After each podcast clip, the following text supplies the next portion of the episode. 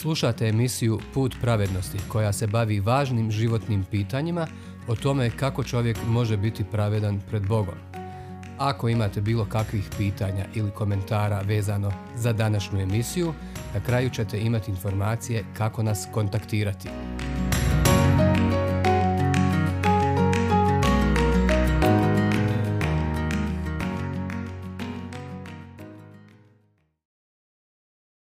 Osvrt treći. Mojsije. Boži sveti zakon. Izlazak od prve do dvadesete glave. Danas nastavljamo naš osvrt na poruku proroka. Tu dobru vijest o tome kako se grešnici mogu opravdati pred Bogom. Još uvijek smo u Tori, dijelu svetog pisma kojim je Bog nadahnuo Mojsija. Rekli smo da je Tora neizrecivo vrijedna svim tragaocima za istinom kao temelj koji Bog postavlja i na kome provjeravamo sve što čujemo kako bismo znali dolazi li nam to od Boga ili ne. U početku Tore smo vidjeli kako je Adam sagriješio. Njegov se grijeh prenio na sve potomke, baš kao zaraza, donijevši tugu, svako zlo i smrt kao kaznu na koju ga je Bog blagovremeno upozorio. Ali pismo nam poručuje. A zakon nadođe da se umnoži grijeh, ali gdje se umnožio grijeh, nadmoćno izobilova milost. Rimljanima poslanica, peta glava, 20. stih. Da, tog istog dana kad su Adam i Eva pali u grijeh, Bog je u svojoj milosti i pravednosti najavio da će jednom poslati na svijet kupitelja, da izbavi Adamov rod od prokledstva koje ih je stiglo. U posljednjoj lekciji smo vidjeli kako Bog poziva Abrahama i obećava mu da će od njega podići čitav narod. U njemu će biti i proroka, a i jedan koji je spasitelj svijeta. Abraham je dobio sina Izaka koji je također dobio Jakova, rodonačelnika 12 plemena koji su kasnije postali nacija, koju znamo kao Izrael. Ali hajdemo nastaviti naš osvrt o tome kako je Bog upotrijebio Abrahamove potomke, Hebreje, da bi kroz njih poučio sav svijet o sebi. Da, kroz njih je govorio ko je, kakav je, kako da grešnici izbjegnu put koji vodi u pravedni sud i vječnu propast. Zato se danas i podsjećamo Božjeg svetog zakona. Proučavajući Toru, vidjeli smo kako je Bog dopustio da Izraelci padnu u egipatsko ropstvo, čak četiri vijeka, što je također najavio Abrahamu.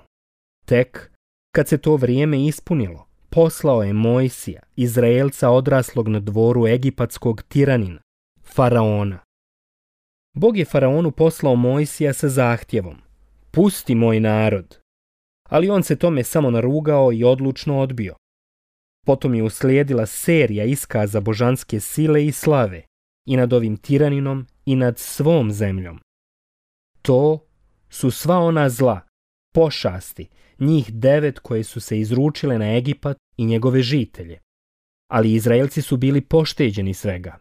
Ipak, sva ta dijela, sva čudesa i znaci nisu primorali Faraona, nisu ga omekšali na pokajanje, na poslušnost sjevoj riječi. I tada je Bog svom sluzi rekao da slijedi još jedna, deseta i posljednja pošast, nakon koje slijedi oslobođenje. Sjećate li se o čemu se radilo? Da, o smrti svega prvorođenog, pa i djece u svakom domu. Čitali smo kako je anđeo smrti prošao Egiptom, pa ni dvor nije bio pošteđen. Prvorođenci Izraela su bili zaštićeni krvlju zaklanog jagnjeta. Bog im je tako zapovjedio i bili su poslušni.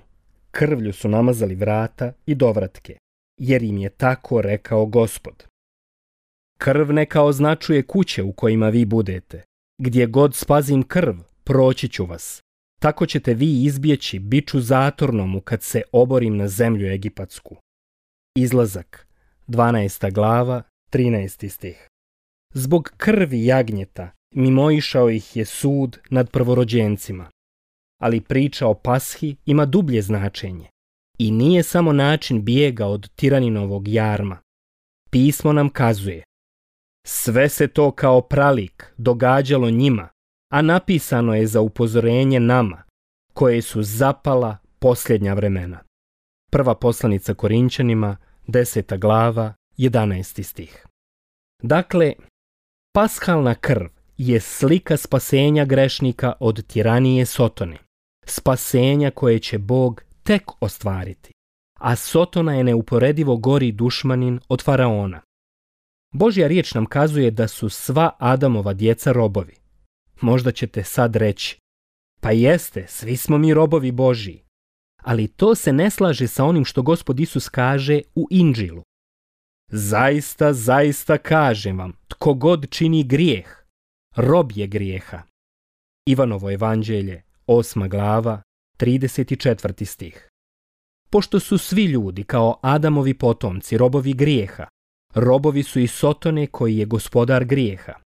I jedno je sigurno, niko sam sebe ne može osloboditi ovog robstva. Pa ima li rob snagu za tako nešto? Može li gospodaru ponuditi kakvu vrijednost i odobrovoljiti ga za svoje oslobođenje? Možda ako je gospodar dobra osoba, ali Sotona, poput faraona ni on nikada ne želi osloboditi svoje robove. Nikada. Zašto? jer su sva Adamova djeca prokleta. Elem, postoji li neko ko bi nas mogao osloboditi od vlasti i uticaja Sotone? Postoji. Slava Bogu, postoji jedan, osloboditelj i otkupitelj. Ime mu je Isus. Njega je Bog poslao da nas spasi. Silan je i pravedni spasitelj, poslat s neba, onaj na koga proroci ukazuju. U Tori čitamo o Božijem obećanju. Satrće glavu Sotoni snagom svetog otkupitelja, rođenog od djevice. U psalmima smo čitali riječi proroka Davida. I on najavljuje dolazak kupitelja koga Bog zove svojim voljenim sinom. Govori kako će umrijeti strašnom smrću, da će ga prvo mučiti, a potom mu probosti i ruke i noge. U Inđilu u evanđeljima smo čitali mnoge pojedinosti o slavi i ljepoti ovog osloboditelja.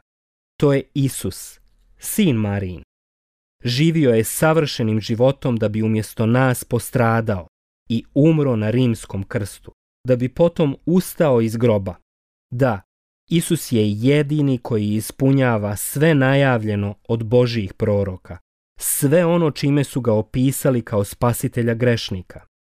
Božja riječ naziva Isusa Krista jagnjetom Božijim. Ivanovo evanđelje, prva glava, 29. stih. Poput jagnjeta, zaklanog na pashu, i Isus je prolio svoju krv da bi nas spasio od suda.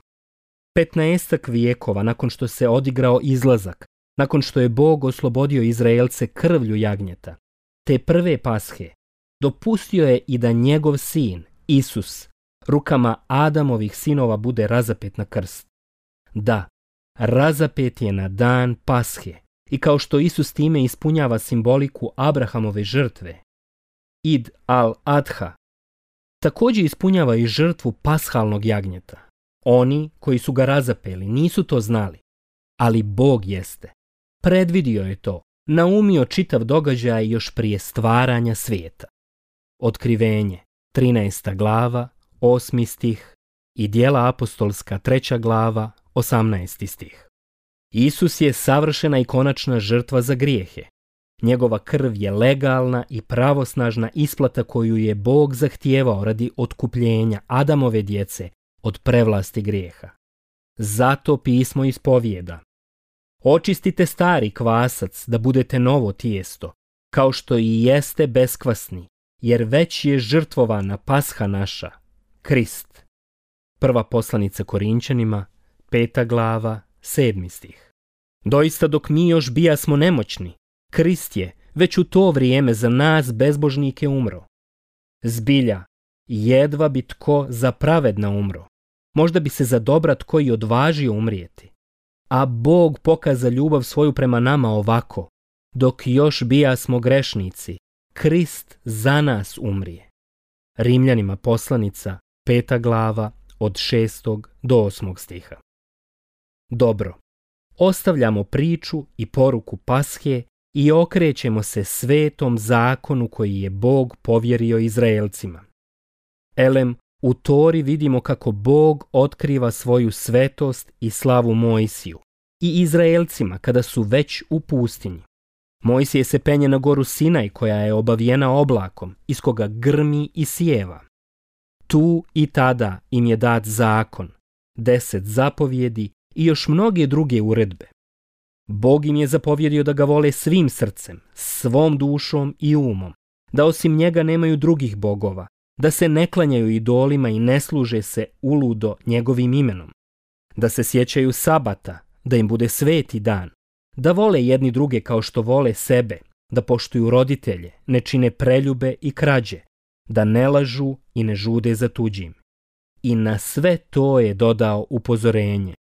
Tad sav zakon uščuva, a u jednome samo posrne, postao je krivac svega. Jakovljeva poslanica, druga glava, deseti stih. Prokledstvo se tiče svakog ko ne održi sve zapisano iz knjige zakona. Galaćanima poslanica, treća glava, deseti stih. Zato nas ovaj zakon od Boga dan Mojsiju sve osuđuje. Dragi prijatelji, jeste li vi držali sve što ovaj zakon traži od vas? Od nas? Od svakog? Da li ste bili savršeno sveti u vašim mislima, riječima i dijelima od dana kada ste se rodili? Hoćete li biti takvi do vašeg posljednjeg daha? baš svakog dana, svakog časa morate voljeti gospoda, svog Boga, svim srcem, umom i dušom. Jeste li ispunili njegov sveti zakon? Ne, niste. Ni mi nismo. I svi to dobro znamo. Zato pismo i postavlja dijagnozu ljudskog roda, da nema ni jednog pravednog. Rimljanima poslanica, treća glava, deseti stih niko ne može ispuniti božanski zakon jer smo svi rođeni kao robovi grijehu. Ali neko će upitati, ako je tako, ako niko ne može ispuniti zakon dat nam preko Mojsija, zašto nam ga je Bog uopšte i dao? Zar želi da propadnemo? Čemu deset svetih zapovjedi ako je znao da su nam nedostižne? Šta im je onda svrha? Bog nam i na ovu nedoumicu odgovara jasno i glasno. Zato se po dijelima zakona nitko neće opravdati pred njim. U istinu, po zakonu samo spoznaja grijeha. Rimljanima poslanica, treća glava, 20. stih. Dakle, Bog je dao svete zapovijedi grešnicima kako bi nas suočio s grijehom i sramotom, sa potrebom za spasiteljem. A samo On može umjesto nas odnijeti prokledstvo i sramotu grijeha. Među svim ljudima, gospod Isus je jedini koji je ispunio sve svete zahtjeve zakona, koji je Bog dao Mojsiju. Isus je drugačiji od svih ljudi. Po čemu? Nema grešnu prirodu poput svih nas. On je vječna riječ poslata s nebesa, rođena od djevice. Zato je mogao da kaže, dok je boravio među nama. Ne mislite da sam došao ukinuti zakon ili proroke. Nisam došao ukinuti, nego ispuniti. Matejevo evanđelje, peta glava, sedamnaesti stih. Čujemo li ga? Ovo je duboka i predivna istina. Isus je došao na svijet da za nas, umjesto nas, ispuni sve što je zahtijevao sveti zakon, predat nam preko Mojsija. Shvatamo li šta i koliko to znači? uradio je ono što niko nikada od nas ne bi mogao sam za sebe. Održao je, ispunio svet sveti zakon i potom postradao na krstu. Umro je umjesto nas na krstu. Ponio je prokletstvo zakona svih prestupnika poput mene i vas. Htio je da nas spasi od božanskog pravednog suda. Isus nije ničim zaslužio da umre, jer nikada ni u čemu nije zgriješio ali da bi ispunio plan spasenja koji je Bog obećao po prorocima, rado je položio svoj život za nas. Nakon toga, nakon isplate duga naših grijeha, Boga je podigao iz mrtvih posle tri dana. Evo kako nam sveto pismo kazuje o tome. Nikakve dakle sada osude onima koji su u Kristu Isusu. U istinu što je bilo nemoguće zakonu, jer je zbog tijela onemoćao, Bog je učinio poslavši sina svoga u obličju grešnoga tijela i s obzirom na grijeh, osudi grijeh u tijelu. Rimljanima poslanica, osma glava, prvi i treći stih. Dragi prijatelji, čemu se nadate? Oslanjate li se na božansku dobru vijest o svetom i pravednom otkupitelju koji je i radi vaših grijeha podnio kaznu? Ili se i dalje oslanjate na svoja dobročinstva? Znajte Božja riječ vam kazuje. Doista, koji su god od dijela zakona, pod prokletstvom su. Ta pisano je, proklet tko se god ne drži i tko ne vrši svega što je napisano u knjizi zakona. Krist nas otkupi od prokletstva zakona, postavši za nas prokletstvom, jer pisano je, proklet je tko god visi na drvetu. Uistinu Bog je tako ljubio svijet, te je dao svoga sina, jedinorođenca, da ni jedan koji u njega vjeruje ne propadne, nego da ima život vječni. Galačanima poslanica, treća glava, deseti i trinaesti stih. I Ivanovo evanđelje, treća glava, 16 stih. Naredni put, inšalah, dovršit ćemo osvrt na pisma proroka. Vidjet ćemo kako je Isus Mesija ispunio sve što su proroci najavljivali o njemu kako je otvorio vrata spasenja i mira za svu djecu Adamovu. Neka vam gospod podari uvid u sve što smo danas proučavali, posebno u svjetlu ove njegove riječi. Nikakve dakle sada osude onima koji su u Kristu Isusu. Rimljanima poslanica, osma glava, prvi stih.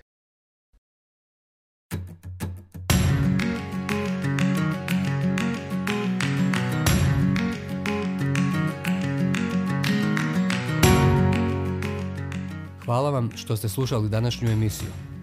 Kontaktirajte nas putem našeg e-maila putpravednosti.bih at gmail.com ili putem naše Facebook stranice Put pravednosti.